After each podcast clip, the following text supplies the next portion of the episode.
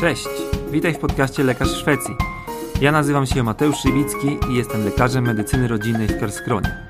Na łamach tego podcastu oraz na mojej facebookowej grupie przybliżam Ci realia pracy i życia lekarza po drugiej stronie Bałtyku oraz pomagam Ci w emigracji.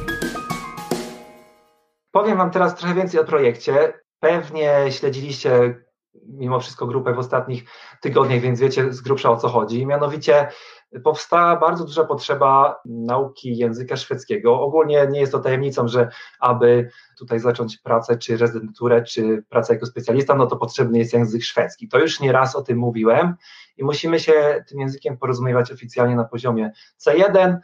Wielokrotnie w praktyce też poziom B2 na start jest dobry, można jakby ten język sobie podciągnąć na miejscu. No i po wpisie jednego z kolegów właśnie na grupie powstała niemalże burza zapotrzebowania na to, żeby się tego języka uczyć i żeby znaleźć jakiegoś e, nauczyciela czy kurs, który e, zaspokoi jakby tą potrzebę. I tak się składa, że w sumie przez e, już prawie trzy lata istnienia grupy, to gdzieś tam w moim doświadczeniu też się otarłem o różne osoby, które uczą języka szwedzkiego, niektóre z nich konkretnie szwedzkiego medycznego. Czasami dostawałem, pytałem też Was, albo dostawałem konkretnie od Was jakieś namiary albo e, informacje o tym, że gdzieś tam się u kogoś uczycie i polecacie tą osobę, albo w jakiejś tam szkole e, mieliście okazję się uczyć języka szwedzkiego i z bardzo fajnym rezultatem. I stwierdziłem, że to będzie bardzo fajny projekt, jeżeli ja to po prostu wszystko tak zbiorę razem do tak zwanej kupy i sam na własnej skórze przetestuję e, tych nauczycieli, te szkoły językowe i wybiorę dla Was jakąś taką najfajniejszą ofertę, która wydaje mi się, że będzie najbardziej jakby da Wam najfajniejsze wrażenia z, tego, z tej nauki języka i najfajniejsze też rezultaty. I teraz za chwilę przedstawię Wam nauczyciela, którego uznałem za najlepszego w tym, w tym całym projekcie. Zanim jeszcze to zrobię, to chciałbym też od Was usłyszeć takie trochę zaczepne pytanie, e, żebyście napisali w komentarzu, jak mocno zmotywowani jesteście do nauki języka szwedzkiego. W skali od 0 do 10, czyli na przykład, nie wiem, napiszcie 0, jeżeli w ogóle nie jesteście tym zainteresowani, 5, jeżeli tak sobie, umiarkowanie, 10 to po prostu możecie pochłaniać język szwedzki już od, od jutra w nieskończonych ilościach. Jestem ciekawy po prostu na jakim poziomie to zainteresowanie i ta motywacja się znajduje. Także poproszę Was o napisanie tego w komentarzach. I myślę, że możemy powoli zaczynać. W międzyczasie, kiedy napiszecie y, tę cyfrę od 0 do 10, to ja już przedstawiam Wam nauczycielkę, która według mnie najfajniej podchodzi do sprawy nauki języka szwedzkiego medycznego. Ma bardzo ciekawe doświadczenia i jest jej całkiem nieobca nauka właśnie szczególnie lekarzy.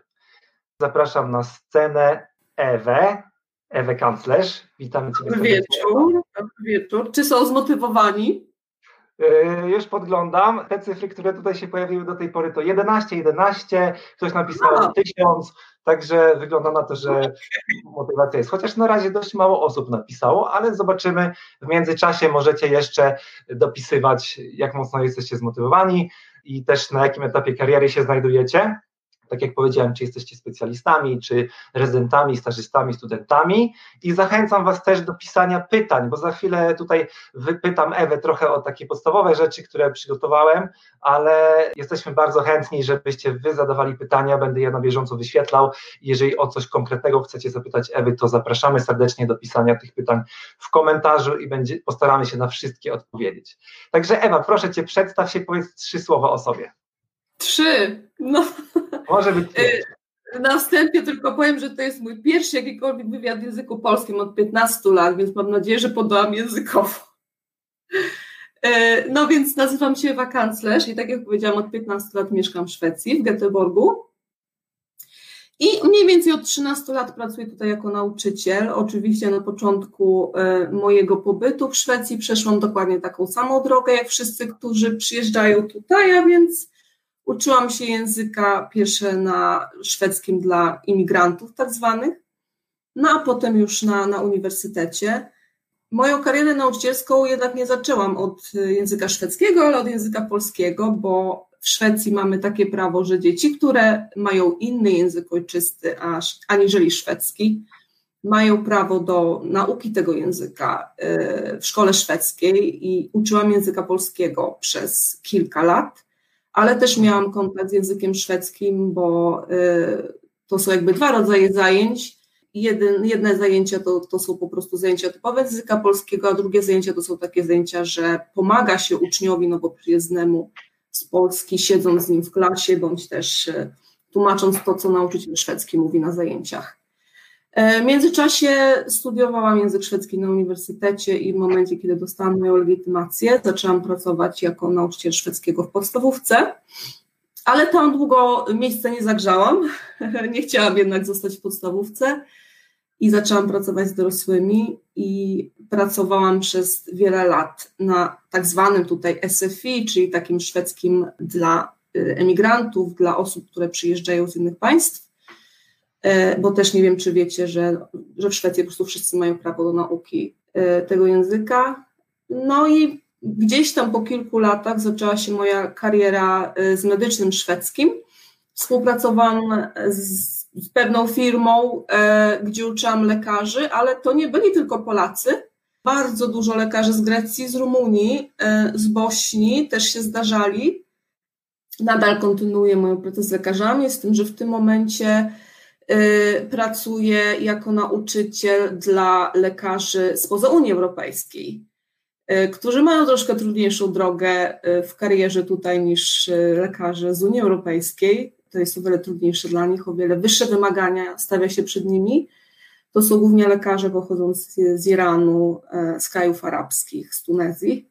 No właśnie, ja tutaj dodam, bo tak jak mówisz, to jest w sumie bardzo ważna informacja, że jak spojrzeć na to globalnie, to emigracja polskiego lekarza z Polski do Szwecji jest stosunkowo łatwa tak naprawdę, jeśli chodzi o tą całą administrację. Nam się może to wydawać z naszego punktu widzenia osób, lekarzy, którzy jeszcze są w Polsce, że to jest trudne, że cała ta droga, ta administracja, ale tak jak właśnie Ewa mówi, bo to też troszeczkę mam wglądu, chociażby dlatego, że się w szpitalu czy w ośrodku zdrowia spotyka kolegów naprawdę z różnych stron świata, to czasami oni mają naprawdę drogę przez mękę, żeby, żeby się do tej Szwecji sprowadzić. Jeżeli są spoza Unii Europejskiej, niejednokrotnie zdarza się tak, że oni niemalże muszą od początku, mimo że są już specjalistami w swojej dziedzinie gdzieś tam poza Unią Europejską, to muszą od początku zacząć, najpierw oczywiście nauczyć się języka i później zacząć od właściwie stażu wszystko. Więc no, ta droga ich się wydłuża o wiele, wiele, wiele lat. Z Polski to jest mhm. naprawdę bardzo łatwa droga. Dodam jeszcze, że lekarze spoza Unii Europejskiej mają egzaminy na uniwersytecie z wiedzy o medycynie. To nie jest tylko Dokładnie. egzamin językowy, ale też zdaje się dwie części i teoretyczną i praktyczną.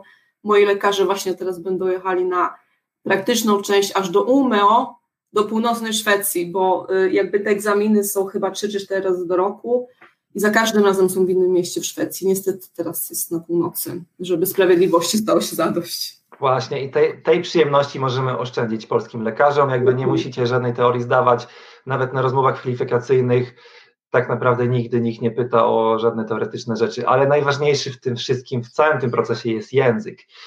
I właśnie fajne jest to, że Ewa jakby ma wieloletnie doświadczenie w pracy z lekarzami i wie, czego taki lekarz potrzebuje, ma też jakby wiele własnych materiałów, już wypracowane doświadczenie z tym, jak takiego e, medyka przygotować sprawnie i pod odpowiednim kątem, e, żeby można było później z, z już w tą kliniczną pracę wejść e, bez jakichś większych problemów.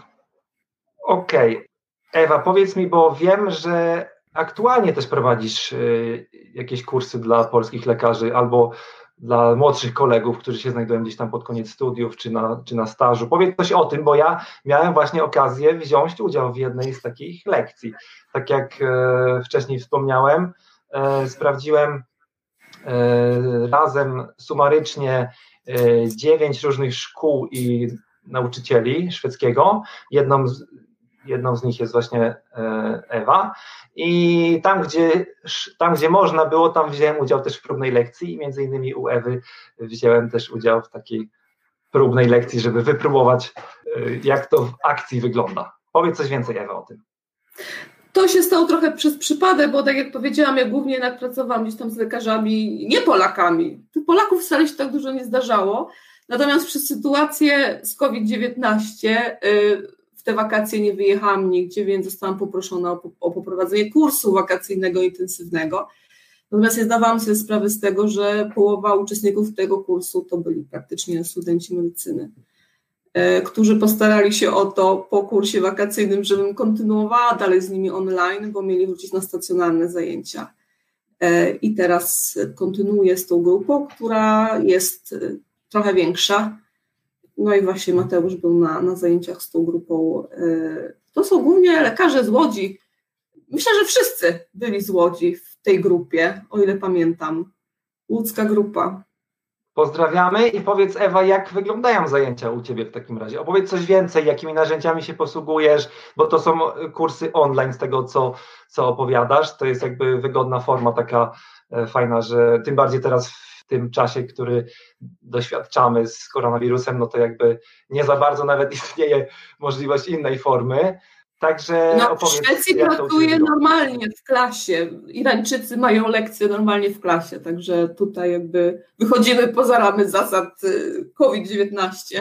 No. Natomiast kiedy zajęcia odbywają, powiem od razu tak, ja y, nigdy nie pracowałam w Polsce jako nauczyciel. Ja mam też wykształcenie z Polski nauczycielskie, ale nie studiowałam języka w Polsce. W Polsce studiowałam filozofię, żeby było śmiesznie E, więc kompletnie to nie miało nic wspólnego z językiem i, i wszystko to, czego się nauczyłam od tej strony pedagogicznej i, i strony zawodowej, odbyło się tutaj na, w Szwecji.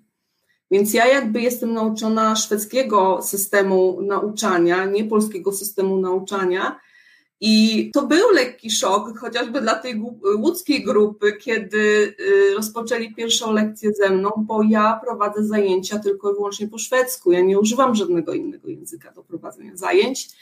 To jest typowa szwedzka metoda uczenia, ponieważ y, to się wywodzi z tego naszego SFI, a więc szwedzkiego dla emigrantów kiedy emigranci przyjeżdżają do Szwecji, nie, nie, każdy zna angielski przykładowo. Około 70% ludzi nie zna angielskiego.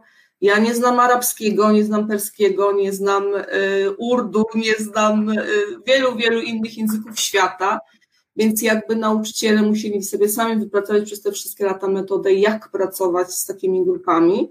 No i powiem więcej, udało mi się nawet pracować z analfabetami. Co prawda pracowałam z nimi tylko przez pół roku, ale się dało pracować z analfabetami, z ludźmi, którzy nie potrafili pisać na dobrą no sprawę. faktycznie masz ciężki kawałek chleba ze sobą i jeżeli tam uzyskałaś tak. efekty, to z lekarzami po tylu latach studiów, z takimi mądrymi głowami, to na pewno nie będzie żadnego większego problemu.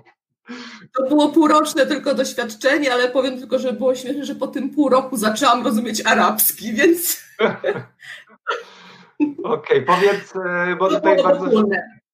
Bardzo fajny aspekt poruszyłaś, na który ja też bardzo zwróciłem uwagę, bo byłaś chyba jedynym nauczycielem, który właśnie prowadził zajęcia w 100% po szwedzku, tak? I nawet ja się zastanawiałem i pytałem Ciebie, jak to wygląda na tych pierwszych lekcjach, jak, jak wystartować z tym całym procesem, skoro nie znamy ani jednego słowa po szwedzku, a, a tutaj już na pierwszej lekcji nauczycielka do nas mówi po szwedzku. E, na, na tym pierwszym etapie, na tym pierwszym poziomie A1, jednak ta strona wizualizacyjna jest bardzo ważna, a więc e, praktycznie na każdej lekcji jest prezentacja z dużą ilością zdjęć. Więc kiedy uczymy się przykładowo pogody i widzicie chmurę z deszczem, to nie jest żadna tajemnica, że mówimy o pogodzie, o tym, że pada deszcz, więc nie ma potrzeby e, tłumaczenia tego zdania na język polski, bo wszyscy wiedzą, że to jest deszcz albo że świeci słońce. E, więc wizualizacyjna strona tutaj odgrywa bardzo dużą rolę i używanie synonimów. E, synonimy są o tyle fajne, że mm, bardzo dużo synonimów można znaleźć, można znaleźć też słowa, które są podobne do języka polskiego albo do języka angielskiego, z tym, że wymawia się je trochę inaczej, bo to są najczęściej słowa pochodzące z łaciny czy z greki, które są używane we wszystkich językach świata. Czyli przykład, przykładowo słowo stacja, kiedy powiemy stachun, e, albo station, no to wszyscy wiedzą, że chodzi o stację. Nie trzeba e, jakby tłumaczyć tego słowa na, na język polski albo na język angielski, żeby było wiadomo o co chodzi. Więc ta strona wizualizacyjna gra bardzo dużą rolę. I wtedy, kiedy używa się języka szwedzkiego, i to mogę Wam zagwarantować tylko i wyłącznie na zajęciach, e, jakby mózg e, w zupełnie inny sposób pracuje. To jest trochę tak jak e, z używaniem prawej i lewej ręki. Jeżeli ktoś jest praworęczny, to automatycznie jakby chwyta wszystko prawą ręką. Nie robi tego lewą ręką. Podobnie jest z mózgiem, więc jeżeli mózg słyszy gdzieś w oddali język, który jest silny i który zna, automatycznie skupia się na tym silniejszym języku, czyli na polskim, gdybym używała przykładowo języka polskiego. E, natomiast kiedy używam tylko języka szwedzkiego przy pomocy wizualizacji synonimów, to mózg jest zmuszony do koncentrowania się tylko i wyłącznie na tym języku i ta nauka idzie o wiele szybciej. Dokładnie. Ewa, zanim zadam Ci następne pytanie, to powiem Ci tylko, że ogląda nas 52 osoby, co jest e, naprawdę dość sporą publicznością. Natomiast to są chyba jakieś bardzo nieśmiałe osoby, bo nie nikt nie napisał jeszcze żadnego pytania. Ewentualnie może po prostu tak dokładnie trafiam tutaj e, w to, co publiczność chce wiedzieć, że po prostu nie ma żadnych pytań. Także jeżeli gdzieś tam komuś się urodzi jakieś pytanie, to zachęcam bardzo serdecznie mimo wszystko do zadania jego. A tymczasem, słuchaj, nie wiem, czy znasz Kamilę Przybylską, ale ona napisała tutaj coś takiego. Ewa, to moja Kamila jest. Także to jest moja nawet... Kamila z letniego kursu, tak. Także są e, na widowni nawet twoi aktualni uczniowie, albo byli uczniowie, nie wiem, którzy jak widać... Ona jest jeszcze dalej moja, tak. To jest ta grupa łódzka którzy chyba mają tylko też pozytywne rzeczy o tobie do powiedzenia. I dostałem tutaj jakąś potężną wiadomość. Nie wiem, czy jak ją wyświetlę, to nie zasłoni nam w ogóle ona twarzy. I też nie będę jej odczytywał, może na głos, ale albo może odczytam. Hej Ali Hopa, jestem uczennicą Ewy i studentką szóstego roku na łódzkim UMEDzie. Zacząłem z Ewą uczyć się w lipcu, startując z poziomu na zakończonym A1. Przez niewiele ponad dwa miesiące wraz z grupą pokonywaliśmy ponad jeden poziom. Aktualnie uczę się na kursie B1. Oczywiście był to kurs bardzo intensywny, aktualnie kontynuuję kursem o mniejszym tempie. Pierwsze zajęcia z Ewą zaskoczyły mnie tym, że w ogóle nie używamy polskiego. Na początku był to skok na głęboką wodę, ale im dalej szliśmy z kursem, Oj, i niestety to jest tak długa wiadomość, że nawet nie jestem w stanie jej o, Ania, tak. wyświetlić. Także do doczytania e, w komentarzu pod e, tym e, wywiadem, ale oczywiście widać, że to jest tutaj też bardzo pozytywna opinia o Twojej działalności. Ja może okay, jeszcze to... tylko dodam na szybko trochę o tej filozofii szwedzkiego nauczania, e, że e, szwedzkie nauczanie nie skupia się tylko i wyłącznie na uczeniu gramatyki. I to jest też różnica pomiędzy polskim systemem a systemem szwedzkim. Mhm. E, oczywiście ta gramatyka gdzieś tam się pojawia, natomiast największy nacisk kładziemy na komunikację, na rozwój słownictwa, nie na typową gramatykę lekcja po lekcji. Tak to wygląda. Bardziej na pracę tematyczną. Powiedz, e, bo używasz ciekawego narzędzia tam w, swojej, e, w swoim kursie, właśnie takiego multimedialnego. E, powiedz, jak praktycznie to rozwiązujesz, właśnie jak to funkcjonuje, bo ja byłem pod sporym wrażeniem, jak to masz fajnie zorganizowane. No ja przetestowałam wiele platform, bo też i pracowałam, współpracowałam z wieloma szkołami i jednak Zoom okazał się najlepszą platformą ze wszystkich, ma najwięcej funkcji. Tam można podzielić uczniów na grupy, na tak zwane pokoje i można odwiedzać ich, patrzeć, co robią, z czym pracują, kiedy dostają jakieś zadanie do pracy. Można też podzielić dźwięk, grupa może słyszeć to, co nauczyciel ma na swoim komputerze. Tej funkcji nie ma na pozostałych innych platformach. Także wydaje mi się, że, ta, że ta platforma jest zdecydowanie najlepsza ze wszystkich, które, które ja używam. Dokładnie, to był też fajny aspekt, który sobie dyskutowaliśmy e, wczoraj nawet z Ewą, e, bo e, wziąłem też udział w kilku lekcjach takich indywidualnych, bo Ewa prowadzi zajęcia tylko w grupach, natomiast e, do niektórych szkół, do których się zgłosiłem, była możliwość wzięcia udziału tylko w indywidualnej lekcji. Oczywiście skusiłem się, chociaż już szwedzki e, trochę znam. I był taki argument, że właśnie 60 minut lekcji indywidualnej to jest 60 minut ciągłego mówienia i używania języka. I tak trochę jakby zaczepnie przedstawiłem ten argument wczoraj Ewie i Ewa powie, w ciekawy sposób mi na to odpowiedziała, bo w sumie jeżeli teraz dajesz jakieś zadanie swoim uczniom i dzielisz ich faktycznie na te pokoje, to jakby oni mają okazję w parach e, tworzyć jakieś interakcje w tym języku, rozmawiać sobie i ten czas tak naprawdę się e, dzięki temu wydłuża e, w ten sposób. I nie dość, że mają możliwość słyszenia tego, jak ty mówisz, budowania własnych zdań i odpowiadania na jakieś tam twoje pytania, to mają też możliwość pogadania sobie z innymi osobami, które się uczą tego języka, prawda? Y, tak jak wspominałam już moim uczniom na kursach tych polskich właśnie, że y, szwedzki system nauczania różni się tym od, od polskiego systemu, że jest bardzo praktyczny. Jest mniej teoretyczny, jest bardziej praktyczny.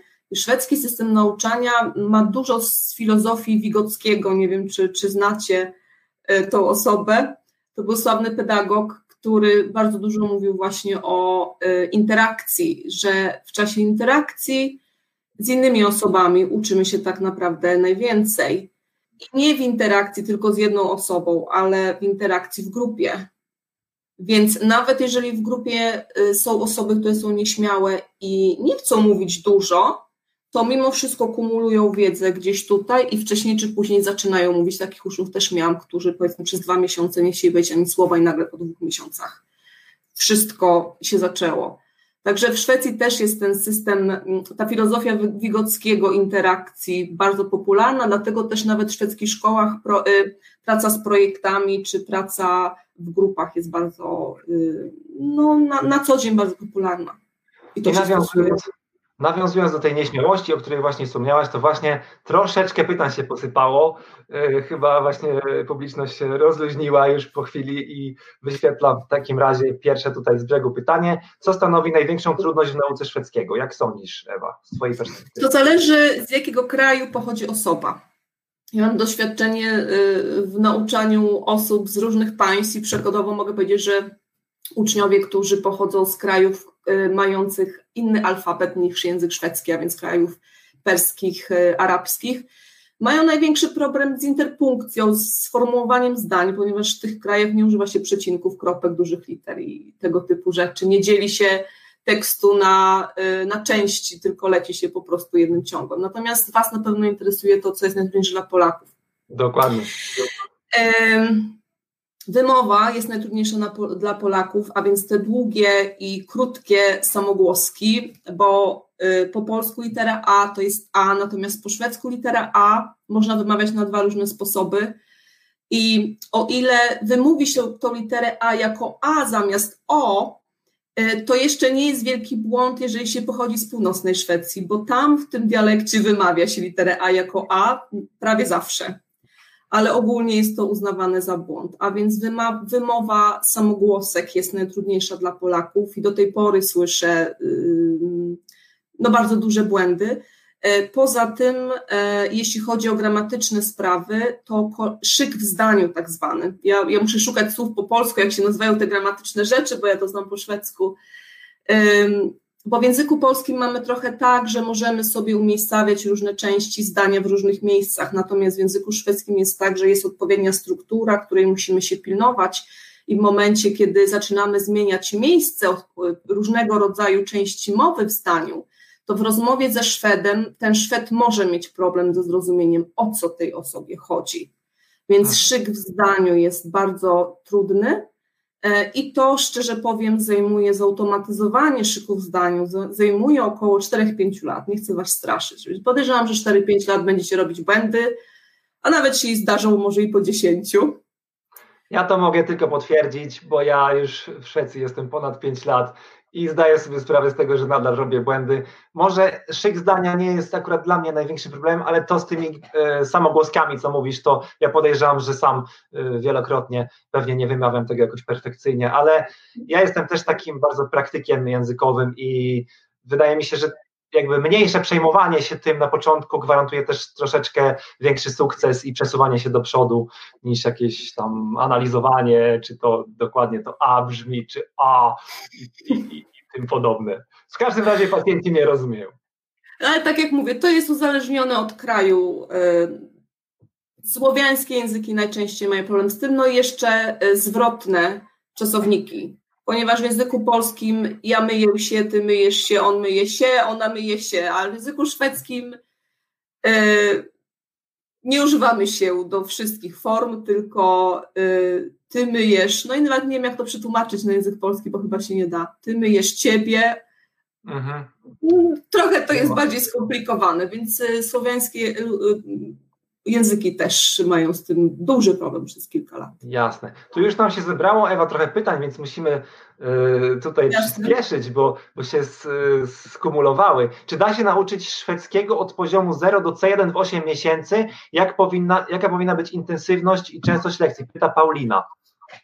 Da się to zrobić y, i niejednokrotnie widziałam takie sytuacje właśnie w, na tych kursach z Irańczykami chociażby Y, z tym, że no, oni mają zajęcia pięć razy w tygodniu po cztery godziny dziennie, plus popołudniowo dostają za, pracę domową, więc to jest w zasadzie 40 godzin tygodniowo intensywnej nauki i zdarza się naprawdę dosyć często, ponieważ Irańczycy są uwiązani urzędem migracyjnym, dostają wizę tylko na rok kiedy przyjeżdżają z zerowym poziomem języka, no to niestety muszą być zmotywowani na tyle, ażeby ten język dopiąć na ostatni guzik przez rok, bo inaczej muszą wrócić do Iranu. I okay. zdarzają się takie przypadki, jak najbardziej. Czyli w sumie deportacja to jest bardzo dobra motywacja. Na, tak. na, szczęście, na szczęście, albo może na nieszczęście, dla Polaków nie jest to aktualne. E, Okay, tutaj mam w sumie dwa pytania, które są bardzo podobne, więc wyświetlę to bardziej obszerne, które dotyczyło w sumie pewnego aspektu, który ja sam chciałem poruszyć. Czy istnieją jakieś sensowne materiały do nauki języka szwedzkiego medycznego samodzielnie?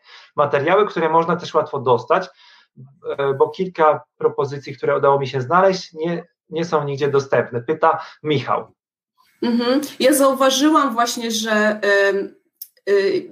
jakby to powiedzieć, ten asortyment książek dostępnych w Polsce jest bardzo ograniczony i to nie, nie chodzi tylko o medyczny szwedzki, ale chodzi o nawet o szwedzki, bo kiedy wchodzę na pierwszą lepszą stronę internetową i wpisuję język szwedzki, pojawia się ten Rivstat, który jest tutaj w zasadzie książką zabronioną. Tutaj wszyscy nauczyciele śmieją się z Rivstata, a nikt tego nie używa. To mogę wam powiedzieć od razu, że ja nie będę używała Rivstata.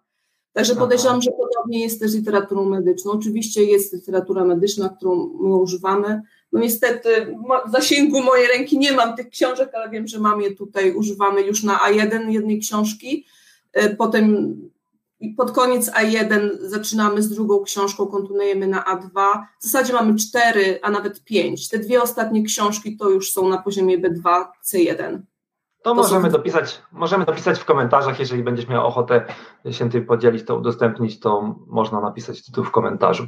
A jeżeli ktoś z Was oglądających ma jakieś super też propozycje jakichś źródeł, które się okazały cudownym e, remedium na język szwedzki, to jak najbardziej też wrzucajcie w komentarzu. E, okay, tutaj mamy pytanie od Adriana. Ja chciałbym zapytać o tę dużą intensywność. Dwa razy w tygodniu po 60 minut. Czy więcej? Czy ma Pani jakąś swoją stronę na Facebooku, czy w razie zainteresowania pisać na profil prywatny? Znaczy, ja nie uważam, ażeby dwa razy w tygodniu po 60 minut to było intensywnie, szczerze mówiąc. E, żeby jakikolwiek efekt był, to wydaje mi się, że dwa razy w tygodniu po półtorej godziny to jest minimum. To nie jest intensywnie, to jest minimum. Mhm. Intensywnie zaczyna się od mniej więcej 9 godzin zegarowych tygodniowo. To już bym nazwała intensywny kurs języka szwedzkiego, ale nie 60 minut. Mhm. Ja, ja, ja mam Facebooka, ale szczerze mówiąc, to głównie używam Messengera. Dosyć rzadko jestem ogólnie rzecz biorąc na Facebooku. Oczywiście będzie się można ze mną skontaktować przez Messengera albo przez mail. To też, jest bardzo to też jest bardzo indywidualne, bo, y, bo naprawdę zdolności językowe ludzi są tak indywidualne, że w momencie, kiedy startuje grupa i wszyscy startują od zera, to się może okazać, że y, część osób już po dwóch miesiącach jest na poziomie A2, a część osób po pięciu miesiącach nie będzie na poziomie A2, na A1, przepraszam. Mhm. Więc y, to jest też dosyć indywidualne. Okej, okay. tutaj ciekawe pytanie od Adama. Jakie strony lub kanały poleca Pani, żeby zaznajomić się z kulturą szwedzką, z życiem codziennym i tym podobne? Mhm. Ja w ogóle zachęcam do oglądania y, szwedzkich kryminałów, bo ja od tego zaczynałam moją naukę szwedzkiego. Y, jest kilk, praktycznie każdy kanał telewizyjny, czy SVT, czy TV4 Play to się chyba nazywa, prawda? Y, ma też stronę internetową i można tam oglądać. Nie wszystko jest dostępne bez zarejestrowania się, czasami trzeba płacić abonament, ale y, tam też mamy programy w stylu y, Masterchef czy cała Szwe Szwecja pieczy. Ja, ja tymi programami jestem naprawdę zafascynowana i do tej pory je oglądam, bo to były programy, które pomogły mi w nauce języka szwedzkiego na początku i kryminały szwedzkie, ponieważ kryminały szwedzkie bardzo często jakby akcja tych kryminałów dzieje się w bardzo ciekawych miejscach, najważniejszych miejscach w Szwecji i, i to też dużo mówi o tradycji szwedzkiej. I to Więc jak najbardziej taka, kanałów, tak. Taka trochę y, bezbolesna, kryminały.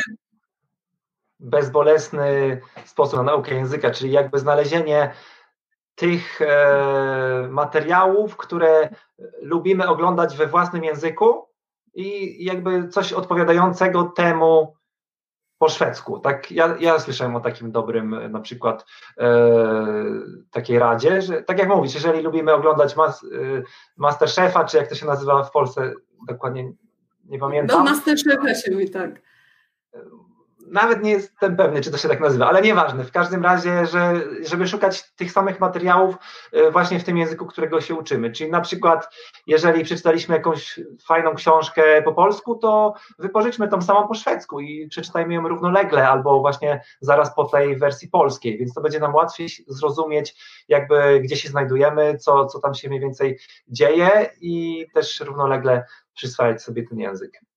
E, polecam też serial Sulsidan, się nazywa, to też był serial, który oglądałam od samego początku, kiedy tutaj przyjeżdżałam. To są takie krótkie odcinki 30-minutowe, e, tych serii już chyba było z 10 i w tamtym roku była ostatnia seria. To jest fantastyczna seria komediowa, która pokazuje e, szwedzkie społeczeństwo. Można się trochę pośmiać. Mhm. I kulturę szwedzką, tak. E, tutaj mam jeszcze takie krótkie pytanie. Jak wyglądają spotkania online? Jak często są zajęcia? Jak długo trwają? Pyta Kasia. Mhm. E, no, intensywność zajęć jest uzależniona od zainteresowania, tak? No, niektórzy będą chcieli, ja myślę, że minimum to będą dwa razy w tygodniu po półtorej godziny, bądź raz w tygodniu po trzy godziny. E, zajęcia wyglądają standardowo. Najczęściej na początku zajęć jest, musisz mi pomóc, jak to powiedzieć jenom gong po polsku, bo szczerze mówiąc nie znajdę słowa chyba. Nauczyciel przedstawia temat zajęć, przechodzi przez to, z czym będziemy pracować, tłumaczy, czy jakby Taki standardowy, tak, standardowy schemat zajęć w Szwecji jest taki, że pierwsze te 20 czy pół godziny należy tylko i wyłącznie do nauczyciela. I potem jakby odbywa się podział na grupy bardzo często. E, chociażby, chociaż to, to też się czasami zmienia w zależności od sytuacji, bo przykładowo z tą grupą łódzką, z którą miałam lekcję w ubiegłym tygodniu, mieli, mamy teraz temat o systemie szkolnictwa. E, I oni po prostu zaczęli mi zadawać pytania na temat systemu szkolnego w Szwecji, i ta lekcja cała nam przebiegła na, na dyskusji o systemie szwedzkim szkolnym, więc jakby nie trzymaliśmy się struktury. Czasami też tak wychodzi, ale oni mieli mnóstwo pytań, chcieli śledzić, jak to tutaj wygląda.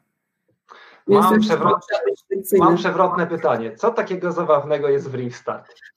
E, Rivstart, nauczyciele szwedzcy uważają, że Rivstart nie jest w ogóle książką um, dobro oceny dydaktycznej. Kiedy otworzycie tą książkę, to pierwsze, co, na co zwrócicie uwagę, jest mały druk więc chociażby uczniowie, którzy mają najmniejszy, najmniejsze objawy ADHD czy jakiejkolwiek dysleksji, jakiegokolwiek zaburzenia, to no tak to wygląda. Nie są w stanie korzystać z tej książki e, i ona mm, nie oddaje, jest bardzo powierzchowna. Co prawda C1, która ostatnio została stworzona, jest dosyć dobra, uważam, aczkolwiek jest tam za dużo tekstów, ale już jest o wiele lepsza niż te pierwsze e, części. Oczywiście ja od czasu do czasu używam coś z tej książki, nauczyciele też gdzieś tam od czasu do czasu coś tam wybierają. Natomiast żadna szkoła tutaj w Szwecji nie używa tego, tej książki jako y, głównej książki na zajęciach. Mhm. I kolejne pytanie, bardziej może gramatyczne, pyta Małgorzata. Ile czasu w języku szwedzkim używa się w praktyce? Czterech. Okej, okay, to krótko i już nie będziemy komentować, pozostawimy niedosyt. E, I myślę, że możemy powoli jakby podsumować to, to wszystko, co powiedzieliśmy, bo tutaj się też troszeczkę pytań zaczęło pojawiać o Twoją ofertę i myślę, że to będzie takie płynne przejście właśnie do tego. E, na przykład e, Tutaj bardzo fajnie Przemek, Przemo to podsumował. To może poprosimy o przedstawienie oferty, ile i za ile. Także jakbyś mogła taką Twoją standardową ofertę przedstawić. Wiadomo, że jeżeli jest kurs bardziej intensywny, to to wymaga większej ilości godzin, jeżeli mniej, no to, to, to mniejszej, ale powiedzmy taka średnia, to jakaś totalna mediana, taki Twój standardowy kurs, który Ty proponujesz i jak to wygląda u Ciebie godzinowo i cenowo. E, to nie jest uzależnione od tego, jaka jest intensywność, bo mniej więcej e, jest to liczone, że około 90 godzin lekcyjnych, 45-minutowych jest potrzebne na poziomie A1, A2 na tych pierwszych poziomach, ażeby osiągnąć ten cel, jak my to tutaj mówimy w Szwecji. E, natomiast może rzeczywiście się zdarzyć, że ktoś już po dwóch miesiącach będzie według mojej oceny na poziomie A2, bo to też może się wydarzyć. I przykładowo w Szwecji też nie robimy tak, że na siłę zmuszamy osoby do tego, żeby do końca doszły do A1 i dopiero potem zaczynały A2. Jeżeli ja widzę, że ktoś już po dwóch miesiącach, czyli w połowie, jakby jest na tym poziomie A2, to, to to już jest pora, żeby przerzucić taką osobę na kolejny poziom a nie zostawiać ją na tym poziomie, więc to też jest takie dosyć fleksyjne. Ogólnie rzecz biorąc, tak jak mówię, wstępnie się przyjmuje 90 godzin lekcyjnych po 45 minut na poziom, przy e, założeniu, że te zajęcia odbywają się dwa razy w tygodniu po półtorej godziny, bądź też raz w tygodniu trzy godziny. Ja też staram się tą ofertę dopasować do warunków polskich, bo wiem, że no wszyscy, którzy ewentualnie byli zainteresowani tymi lekcjami, pochodzą z Polski. Stawki w Szwecji są o wiele większe, to Wam mogę powiedzieć od razu. E, więc e, taki kurs na A1, od A1 do B1, te trzy pierwsze poziomy, kosztowałby w granicach 5 tysięcy koron plus VAT to się chyba nazywa w Polsce, prawda? Mhm. MOMS to jest VAT czyli 6250 y, koron. Ponieważ moja firma jest zarejestrowana w Szwecji, więc faktura też by była wystawiana w koronach. Oczywiście jest możliwość y, rozłożenia tej sumy na dwie albo trzy raty, nie ma żadnego problemu. Mhm. Czyli każdy taki poziom, powiedzmy poziom cały A1, to jest cena, którą, o której powiedziałaś, tak? Tak, tak. E, I powiedziałaś, że to jest taka proponowana, powiedzmy, częstotliwość standardowa, to by było półtorej godziny, czyli dwie godziny lekcyjne, dwa razy w tygodniu. Tak. I tak Dokładnie. jak mówisz, 90 godzin lekcyjnych, to jak się szybko przeliczy, to przez 4 czy jakieś 22-23 tygodnie, tak? 20, 22,5 dokładnie powiedzmy 23 tygodnie. No więc tak. właśnie. I to wychodzi jakieś pół roku, coś takiego na poziom? Mhm. Tak. W takim powiedzmy umiarkowanym e, umiarkowanej intensywności czy umiarkowanej częstości E, zajęć dwa razy w tygodniu. Y, ale powiem tylko od razu tyle, bo my tutaj zazwyczaj właśnie to mówimy, używam takiego przysłowia, ale może go nie będę używała. Y, to, to naprawdę wiele zależy od Was. Może się okazać, że ktoś przestudiuje pół roku i nie będzie na tym poziomie A2, więc naprawdę wiele zależy od Was. Nauczyciel daje Wam materiał i możliwość, ale to ile Wy wkładacie w to energii i motywacji, yy, tak naprawdę jest najważniejsze. Więc tak jak mówię, może być tak, że ktoś skończy A1 po dwóch, trzech miesiącach, a może być tak, że ktoś będzie studiował sześć miesięcy i nie będzie na tym poziomie. Dlatego zapytałem na samym początku, jaka jest motywacja, ale bardzo mało osób odpowiedziało. Chyba tylko cztery osoby napisały jakieś tam 11 tysiąc. Także jeżeli jeszcze chcecie się podzielić, na jakim y, stopie znajduje się Wasza motywacja od 0 do 10, to jak najbardziej piszcie w komentarzu i ja wyświetlam już chyba przedostatnie pytanie, mhm. zanim zakończymy. Czy jest możliwość prowadzenia lekcji przez Panią dla dwóch osób, pary, jednocześnie, mhm. bo na przykład może jest dwóch lekarzy, e, mhm.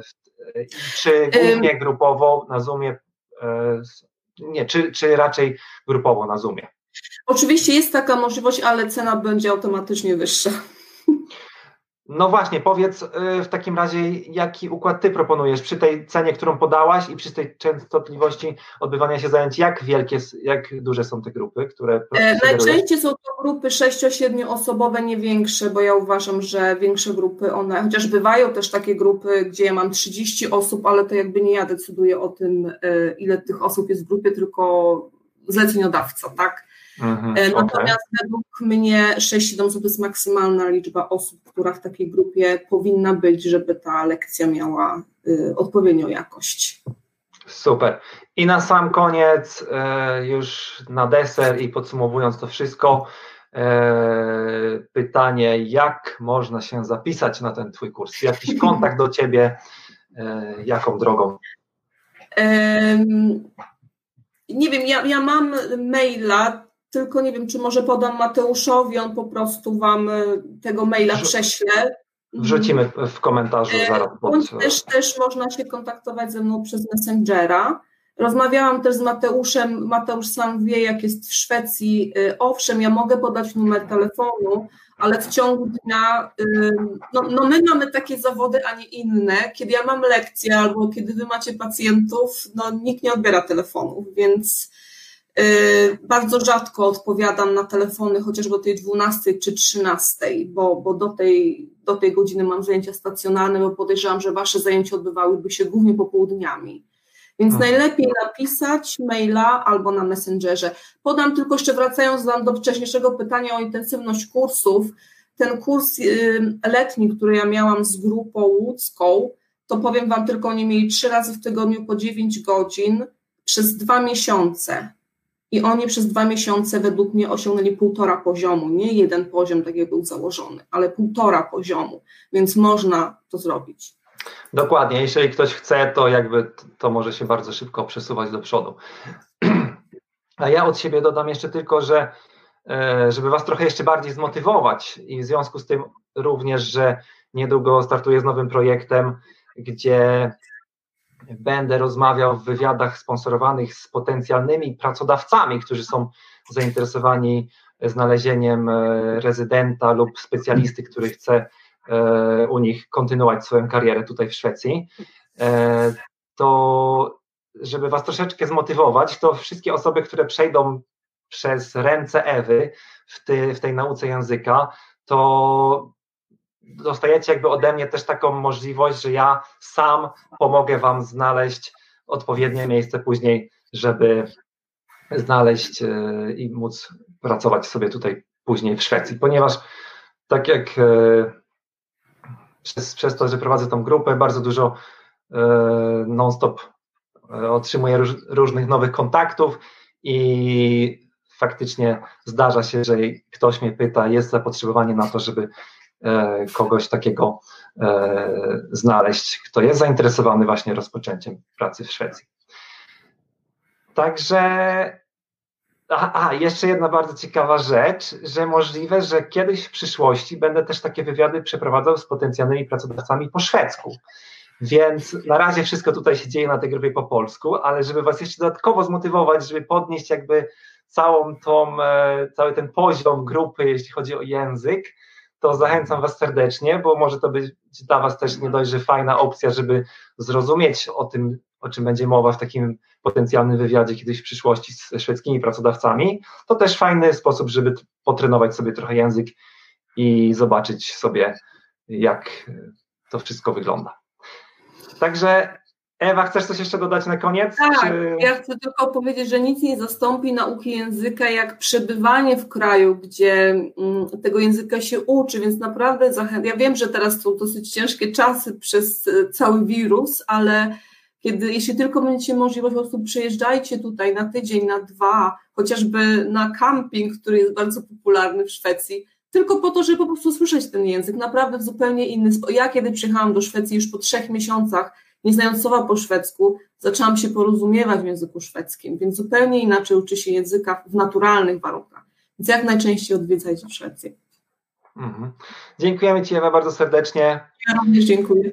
Również dziękujemy wszystkim, którzy, którzy nas słuchali. Trzymajcie się. Do usłyszenia.